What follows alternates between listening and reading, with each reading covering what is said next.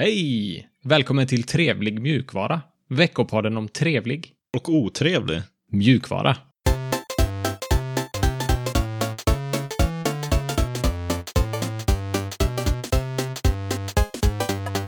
Jag heter Seb och med mig har jag som vanligt Alex. Hallå, hallå. Tjena! Allt bra med dig? Ja, det är lysande. Har du något roligt att berätta från föregående vecka? Vad har du gjort? Jag försökt mig på Vim och så har jag lekt lite med FreeCAD för att göra ritningar till ett bygglov. Ja, du är snart en eh, arkitekt ju. Ja, så många timmar som jag har lagt ner så tycker jag det nästan. Precis. Vad ska vi prata om idag då? Idag blir det lite nyheter, otrevligheter, trevligheter och en liten slutkläm på våran eh, VIM-utmaning. Ja, Och sen eh, en liten fråga från eh, mig till eh, vårt community i vårt metasegment. men först nyheter.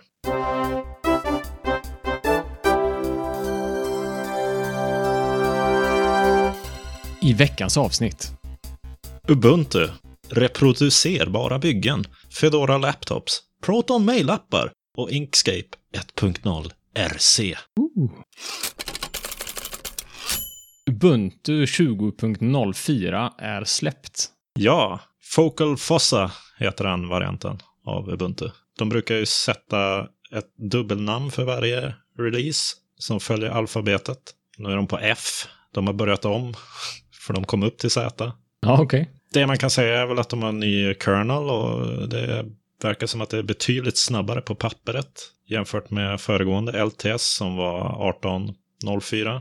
74 procent av testerna i, i Foronix-länken som vi har i avsnittsbeskrivningen slog den eh, 18.04 ganska rejält i många tester. Ja, intressant. Men i 26% var den sämre då, eller? Då var den likvärdig, och, eller marginellt lite sämre i några få. Men det, det märks att de eh, har uppdaterat eh, kernel och libbar och sånt. Mm. Det är ju sådana här eh, arbetstester. Inte så mycket grafik utan beräkningar och sånt. Ja, just det. Det är Linux kernel 5.4 som de använder nu, va? Mm, Och plus att de har lagt till lite extra funktionalitet. Så de har dratt in WireGuard-protokollet till exempel, som vi har snackat om lite tidigare. just det, för det finns ju egentligen inte i 5.4. Just det. Utan de har ju backportat det. Så det är en LTS och de har fem års support. Så den kommer att leva till april 2025. De har även uppdaterat Gnome till 3.36 och den eh, innehåller en massa features. Men det är bland annat fractional scaling som gör att man kan skala storleken på desktopen lite mera granulärt och betydligt bättre prestanda med lägre fördröjning och lägre CPU-användning. Så har de ju lagt in eh, ZFS-support, eh, ZFS som det kallas. Mm. Som är ett filsystem som är populärt bland eh, Free BSD eller BSD-folket. De har ju länge stoltserat med att de är de enda som har haft ZFS, men eh, de senaste åren så har det ju dykt upp i Linux och nu är det supportat även i Ubuntu. Mm. Har ju funnits i f- 1910 också, men eh, nu är det lite mer impact när det ligger i LTS-releasen också. Just det. De ska också ha mer eh, visuell customization som man kan göra. Så det finns en light, en dark och en normal theme. Lite intressant uppdelning där normal ska vara någon eh, blandning av light och dark, som jag förstår det. Just det, det är någon sån här mörk eh, title bar, men det är vitt i övrigt. Just det, precis. Och också lite uppdateringar till eh, något eh, ikontema. Så lite nya ikoner kan man nog vänta sig. Och deras software store är installerad som ett Snap-paket som default. Men den supportar inte Flatpak, vilket eh, är lite intressant. Inte out of the box, men man kan ju installera det i efterhand. Så att den har support för det. Sen har ju alla smaker, eller official flavors, också fått eh, sina distros eh, släppta i 2004 upplaga. Mm. Och de har ju sju sådana. Och det är Lubuntu, Subuntu, Kubuntu, Ubuntu Mate eller Ubuntu Mate, beroende på hur man uttalar det. Ubuntu Chillin, Ubuntu Budgie och Ubuntu Studio. Så man kan ju välja och vraka mellan olika desktops och eh, syften med datorn där. Spännande. Jag rekommenderar Kubuntu.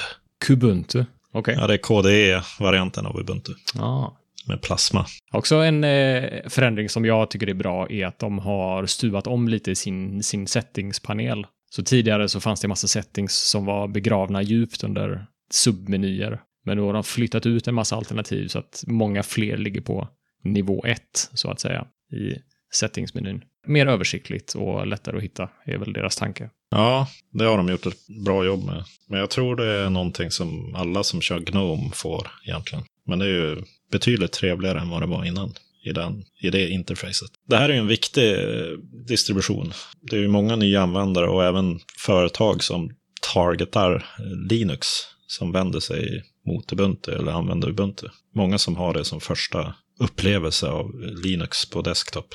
Mm. Det är väl det, kanske det mest allmänkända. Ja, och det är bra att de har satsat på prestandan. För det är nog först nu som man har fått till det ganska bra. Så det är hyfsat bra prestanda i Gnome. Mm. Och så är det ju bra det här med att de har backportat uh, WireGuard. Så att det börjar användas mer och mer. För det har ju fungerat hur bra som helst sedan jag skaffade det för ett och ett halvt år sedan eller vad det var. Sen är det värt att tänka på att uppgraderingar från existerande LTS, om man sitter på 1804 så kommer inte man att få frågan att uppgradera innan nästa point release har släppts av 2004. Så man får vänta till 2004 1. Okej. Om, eh, om man vill vänta på det. Men det går ju att tvinga igenom också. Och det är man är glad över på, på nätet, om man ska dra det, så är man ju glad över att tillbakagången till Gnome har gett resultat. Ubuntu körde ju tidigare ett eget gränssnitt som hette eh, Unity, som hade bra prestanda. Men i och med att Unity 8 som hängde ihop med den här telefonsatsningen lades ner så gick man över till Gnome. Och man märker även i andra distributioner att Canonical har satt så mycket tid och resurser på att få ordning på prestandaproblemen med Gnome. Och det är flera som rapporterat att det är första gången sedan övergången till Gnome som Ubuntu känns snabb även på äldre datorer. Det är ju kul. Ja, ja det är riktigt roligt. Så jag blir ju lite sugen på att testa det. Men det är ju helt fel desktop för mig. Men det kanske man får ändra på kanske. Jag, jag får känna efter. Det är ju lite, den här plasma hänger ihop med Qt så mycket. Och nu är de i blåsväder. Så att, men ja, vi får se. Mm. Reproducerbara byggen i Arch. Ja, det är jag nyfiken på. Förklara för mig. Ja, de flesta av oss installerar ju binärer som vi laddat ner från, från någonstans, right? Mm, absolut. Paket och program och bibliotek och, Ja. som är färdigkompilerat. Och vi litar ju på att de här är ofarliga eftersom deras källkod kan ses av alla. Just det. Men oftast har vi inget sätt att vara säker på att de här binärerna faktiskt byggdes från just den källkoden. Nej, just det. Det vet man inte. De laddas upp som en eh, klump ofta. Ja, de färdigpaketerade programmen som vi eh, oftast laddar hem och installerar kan i hemlighet ha byggts från olika källor som innehåller skadlig programvara. Eller det kan ha jackats in något utan att man kan liksom se det. Mm. Det finns eh, sätt att kontrollera sådana här byggen, va? Eller kompilerade program. Ja, det är det de har, håller på med här. Okej. Någon slags, eh, vad heter det? Är det någon hash? Ja, man kan ju jämföra så att binärerna är identiska när man har byggt dem. Ja, just det. Och det är något som de har utvecklat. De som bygger Arch har utvecklat det. Men det, eller det är ju ett projekt som heter Reproducible Builds. Som många distributioner eh, hjälper till med. Men nu har Arch eh, släppt ett litet mail där de refererar till ett paket man kan installera för att automatiskt köra den här verifieringsprocessen. Ja, okej. Intressant. Så istället för att blint lita på att binärerna man kör faktiskt är byggda från eh, källkoden så kan man via de här verktygen själv verifiera genom att bygga från källkoden och jämföra binärerna helt enkelt. Okej. Det har ju varit i princip omöjligt historiskt eftersom de flesta källkoderna producerar lite olika binärer varje gång man kompilerar. Även om källkoden inte har ändrats.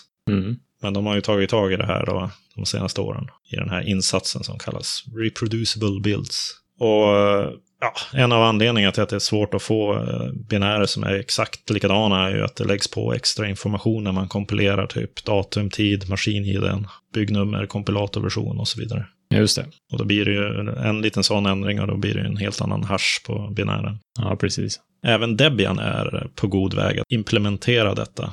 de flesta paketen i De- Debian Unstable är reproducerbara i dagsläget. Mm. Det är kul att se att de tar tag i den här frågan. Det är många som, ja men kollar ni på källkoden? Det är ingen som kollar på källkoden. Men det är faktiskt många som kollar på källkoden. Särskilt på de här stora paketen och stora distributionerna. Så är det. Man skulle gärna vilja ha något eh, varningssystem som automatiskt säger till dig att den här binären skiljer sig från det vi anser vara korrekt och säkert. Ja, men det är ju det som det här verktyget verkar göra. Ja, det gör det. Så man installerar det och så ligger den globalt och lyssnar på något sätt. Och så Ja, fort du... eh, När får man varningen? Det är något som ligger och kör i bakgrunden och som drar hem paketen som finns att ladda hem som är färdigkompilerade och samtidigt bygger dem. Ja. Och så jämför den outputen från bygget med det som man fick hem från som färdig binär. Men det är Ja, men bra. bra. Mm.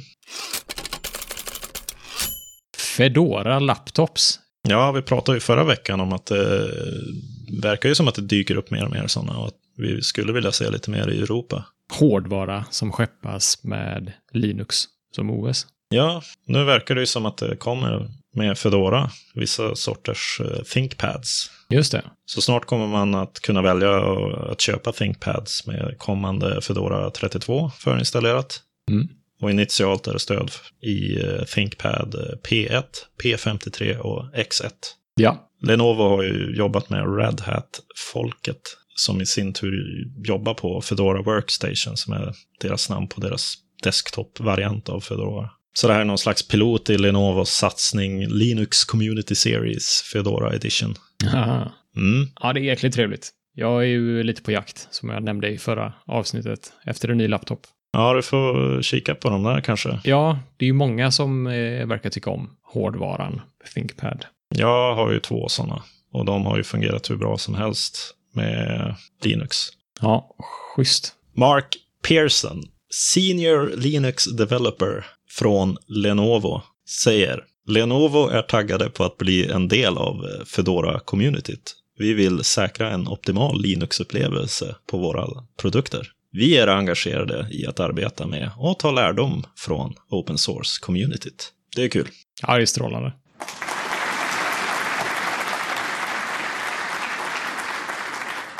Det är lite kul att de har en Senior Linux Developer också. Ja, faktiskt.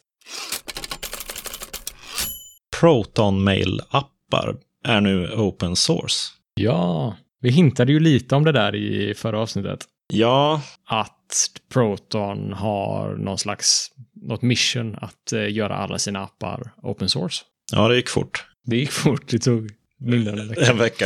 Ja. Ja, de var ju nästan där tidigare också. Eh, Men nu har ju sista appen som inte var open source förra veckan nu blivit open source. Och det är deras Android-app för eh, mail. Vad kul att de hade den ambitionen och ändå rod, rodde den i hamn.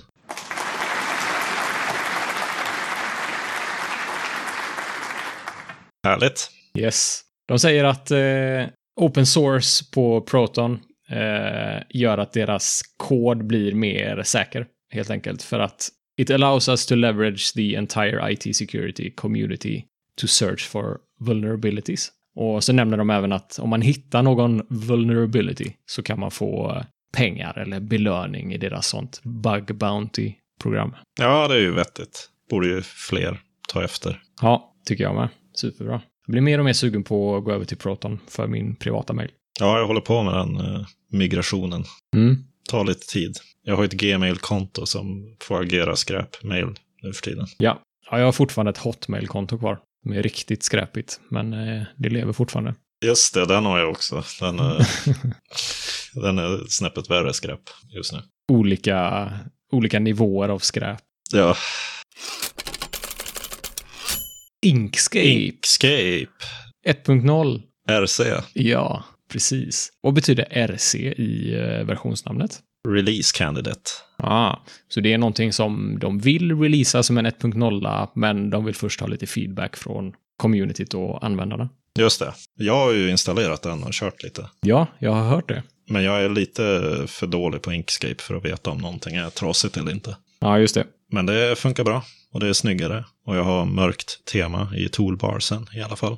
Och det är ju trevligt. Coolt. Vad mer är det för nytt i den då? Ja, det är theming support och mera customization options. Så jag tror väl att din, eh, din mörka, ditt mörka theme är en del av det. Och sen kan man väl förvänta sig lite olika eh, theme-paket, tror jag, hoppas jag, i framtiden. Det har ju aldrig varit Mm. ett program som ser särskilt bra ut, tyvärr. Nej, det ser, har ju, ja. Det ser industri ut, gör det. Det- Man blir inte inspirerad att skapa stordåd i det där programmet. Nej, verkligen inte. Men nu är det lite mer hanterbart, tycker jag. Ja, vad skönt. Sen har vi bättre High DPI eh, skärmsupport, vilket är någonting som jag har efterfrågat länge. Den skalar jättedåligt. Så antingen blir saker superstora, ikonerna blir massiva, eller så blir de så små att man inte kan se vad de betyder. Så där hoppas jag att det ska vara mycket bättre eh, support. Men 1.0 är ju en ganska stor release, men det känns som att Inkscape har funnits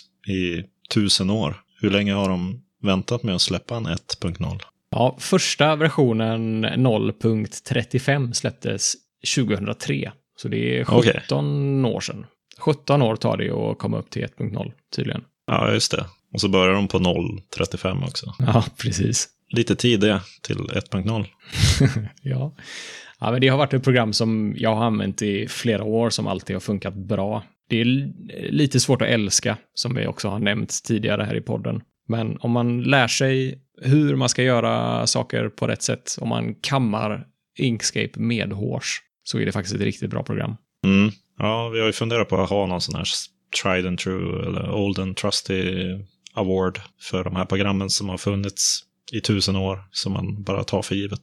Som bara funkar dag in och dag ut. Och där skulle ju Inkscape ha en plats. Ja, det är ju ett gäng sådana program som man skulle vilja ge den awarden.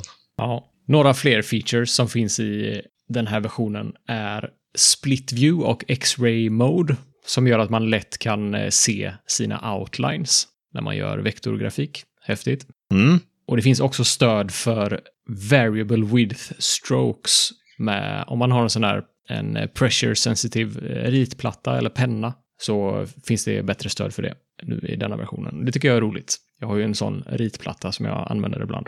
Just det. Det ska också vara snabbare när man jobbar med många paths och eh, noder, vilket såklart är bra för stora vektorfiler. Det tackar vi för. Och det finns också lite extension-uppdateringar.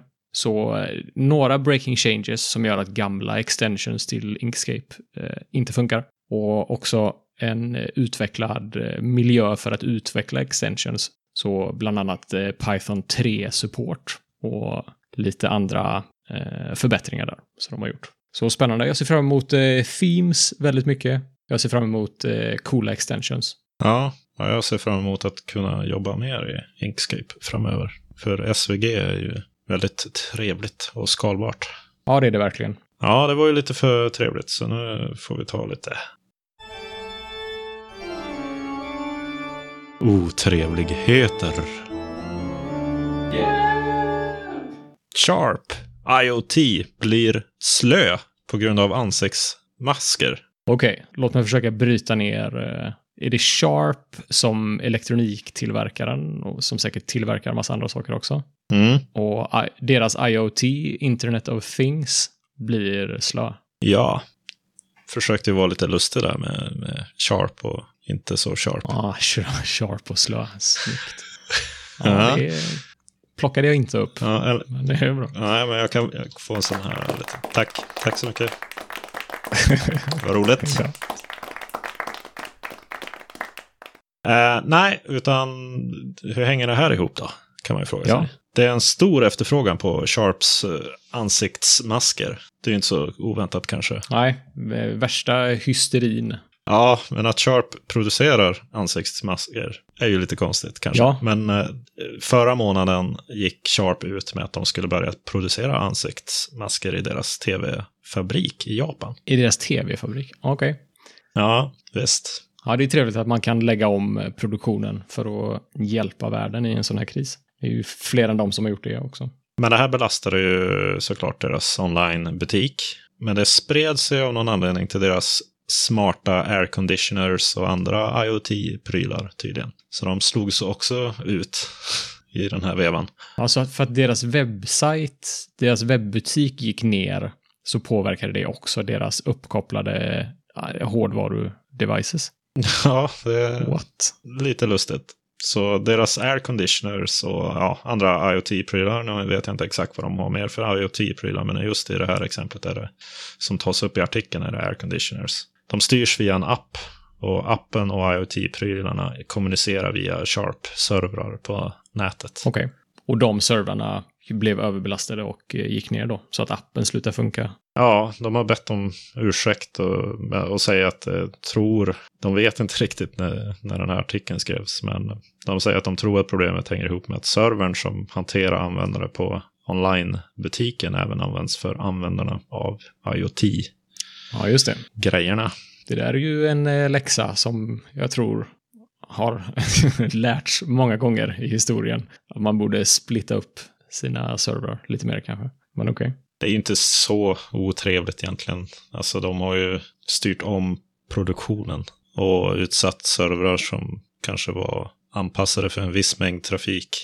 Ja. För eh, mer trafik än vanligt. Ja, jag tycker ändå att det är lite lustigt med ett sånt, jag skulle vilja kalla det ett nybörjarmisstag när man jobbar med webbservrar. Att koppla ihop sina tjänster på det sättet så att eh, om en failar så failar alla. Det är som ett eh, korthus liksom. Ja, men det här hänger ihop lite med det här att ha lite kontroll hemma lokalt ifall det går ner på nätet eller Just det. tjänsterna stänger ner och så vidare. Ja. ja, du har snackat mycket om att fördelar med att hosta sina egna smarta prylar. Ja, men ha någon slags baseline, att man alltid kan kontrollera dem när någonting går ner. Ja, Man ska fortfarande ha kontrollen lokalt. Man kan ju utöka det med smarta grejer kanske, som går över internet och sådär. Men just det. att tappa kontrollen för att någon tjänst ligger nere eller någon grej har slutat supportas som man inte har någon kontroll över. Det är ju det som är lite, det är det man ska se upp. Mm, precis. Ja, intressant. Det påminner mig om en gubbe som laddade en liten vagn med hundratals mobiltelefoner som var uppkopplade mot Google Maps och inställda på att eh, låtsas vara en bil. Och så gick han med den här vagnen ut med en stor väg eh, i en storstad. Jag minns inte om det var Los Angeles kanske. Och då tyckte Google Maps att det var trafikstockning på just den vägen. För att det var flera hundra Google Maps devices som körde på den vägen. Så då blev ju den röd och markerad som trafikstockad i Google Apps-appen. Och det hade påverkan på trafiken i den här staden. Också internet som påverkar verkligheten på något vis. Mm. Ja, det... Vi vänder på ett blad, ungefär som ni gör i era tidningar. Och eh, ser framåt istället, för det här är något som har, jag får jag har förstått enligt boken och de information jag har fått, någonting lång tid, lång tid tillbaka i tiden. Så kan det vara ibland i älskogen. Jag vet inte om det där ska vara någon slags standard. Är det någon som vet vad kungen säger, vad han menar där? Jag förstår ingenting av det han säger. Men det är kanske det som är poängen också. Ja, han eh, undviker reportrarna exceptionellt bra. Ja, nu, mycket skickligt. Vad är det dags för eh, att vända blad nu, säger du? Lite trevligheter kanske? Ja, let's do it.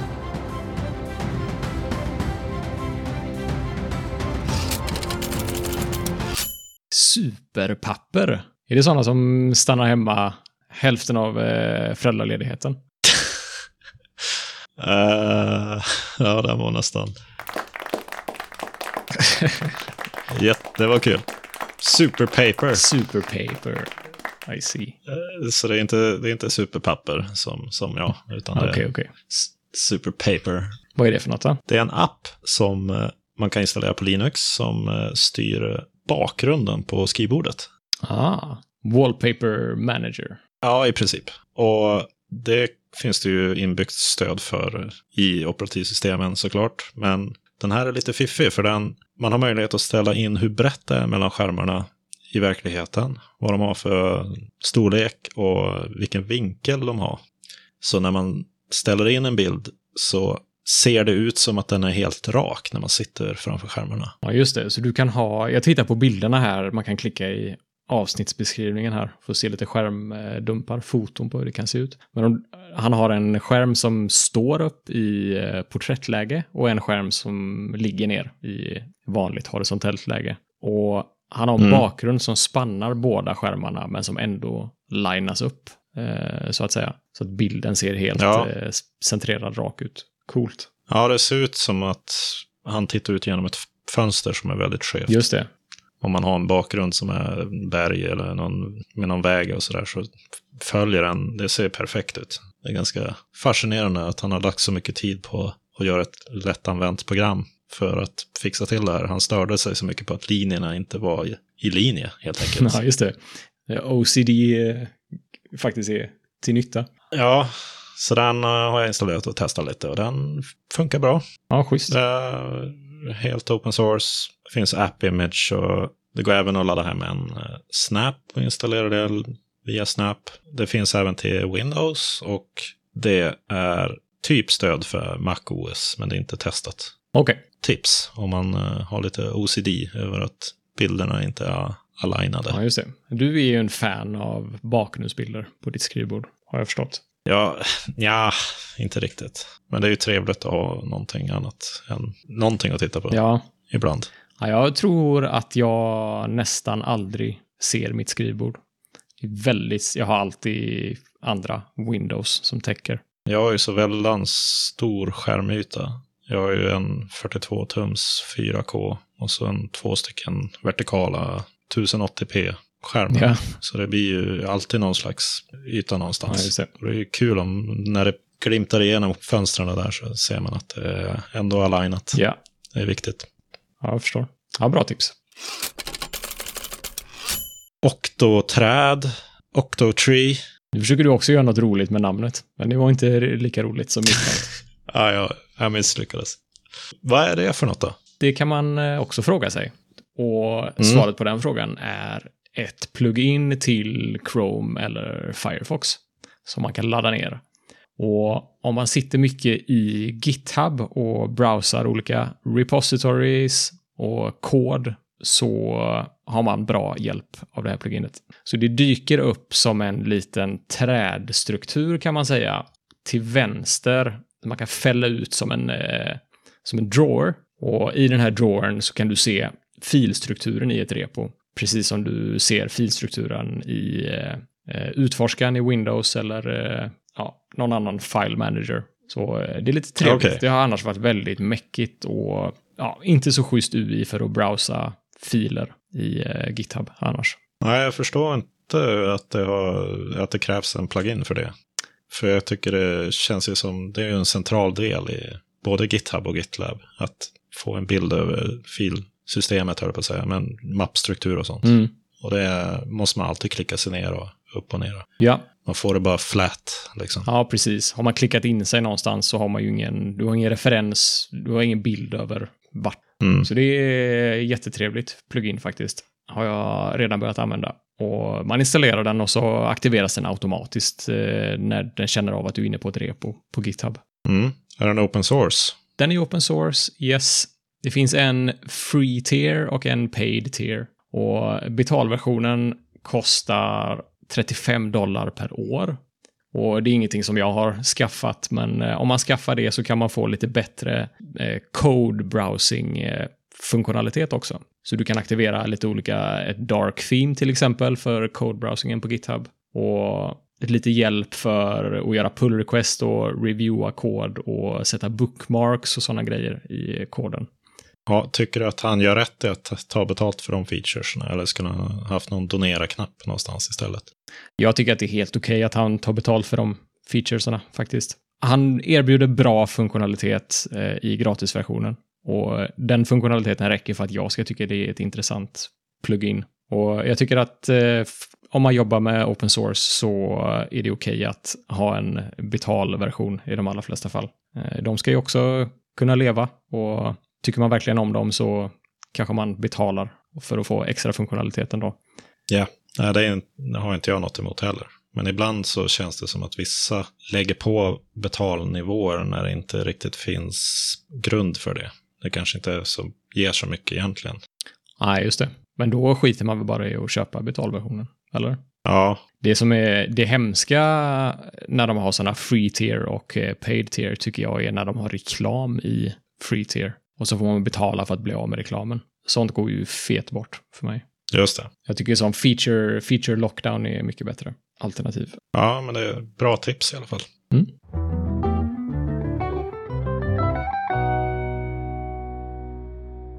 V. I. M. Vad blir det? Vim. Det där var Ja. första gången vi satte den. Utmaningen är över. Ja. Vi lever fortfarande. Ja. Lever du i Vim? Däremot, det kan man eh, fråga sig. Det gör jag inte. Jag har stängt av eh, Vim-pluginet nu. Den 24 så slutade...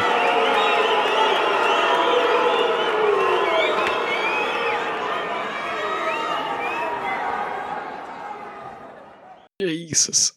Den var, var högljudd där. Ja, det var... Jaha, så du har stängt av det? ja, det har jag. Den 24 slutade vår utmaning. Ja. Klockan 06.00 på morgonen gick du upp och stängde av det. Nej, det var idag faktiskt jag stängde av den. Eh, Ja, okej. det var, jag kände mig lite stressad inför eh, eh, produktionen av podcasten faktiskt. Jaha. Så då ville jag inte... Jag ville att det skulle gå så snabbt som möjligt och jag är inte up to speed riktigt än i Vim. Så eh, nu när det var okej att stänga av den så gjorde jag det. Ja. Vi har ju pratat om att utöka den här deadlinen, eller längden på, på utmaningen. Mm. Men du kommer nog inte vilja göra det, eller? Jo, det vill jag. Jag vill fortsätta använda Vim. Jag kan aktivera den eh, nu igen. Nu har jag kommit över det stressiga momentet.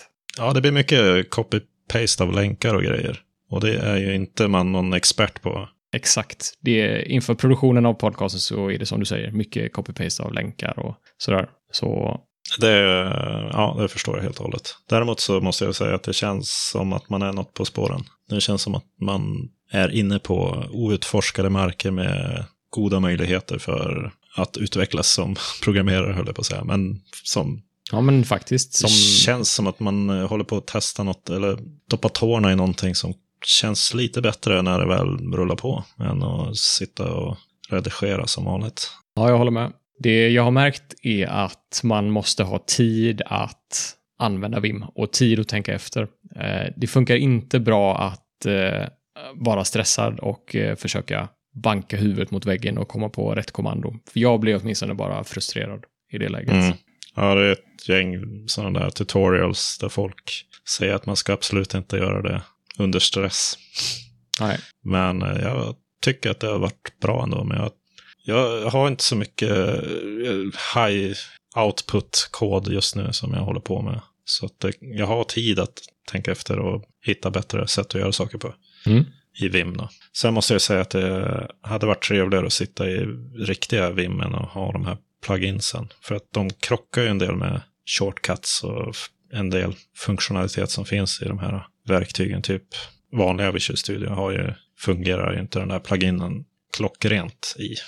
Ja, nej, jag har ju samma upplevelse. Nu sitter jag inte i Visual Studio, men i, VS Code så är det ju samma sak. Det, vissa grejer krockar, tyvärr.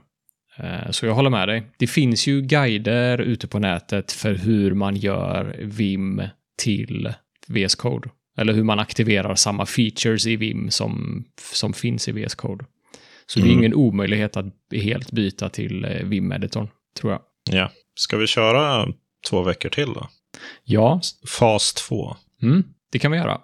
Då kommer eh, min nästa del, det jag kommer göra nu är att installera Vim-editorn och försöka få den att bete sig som eh, min VS Code. Ja, det känner jag också. Vi kan väl ha det som en stjärna i kanten. Man får Mm. en guldstjärna om man lyckas med det.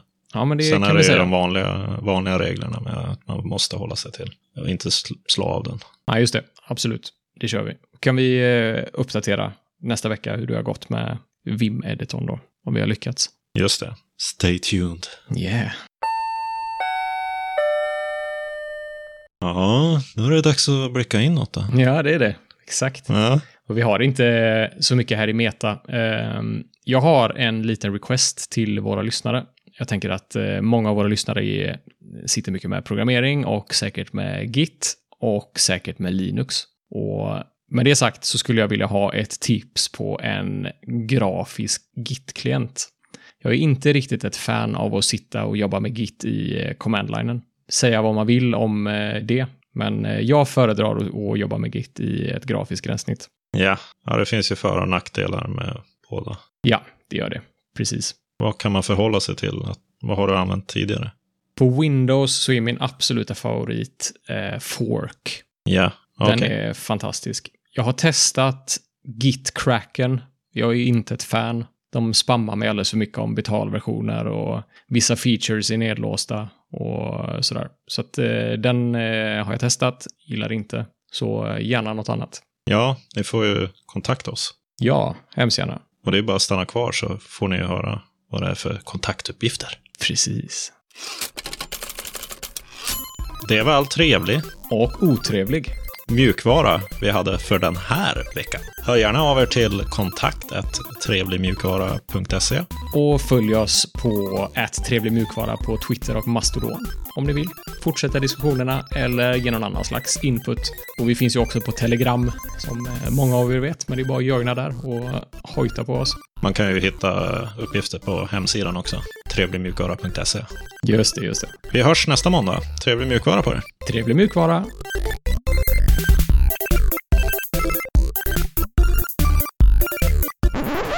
Ja, det är en app som finns till Linux. Den eh, gjorde en person, förhoppningsvis, och inte en dator. Ja. Mm.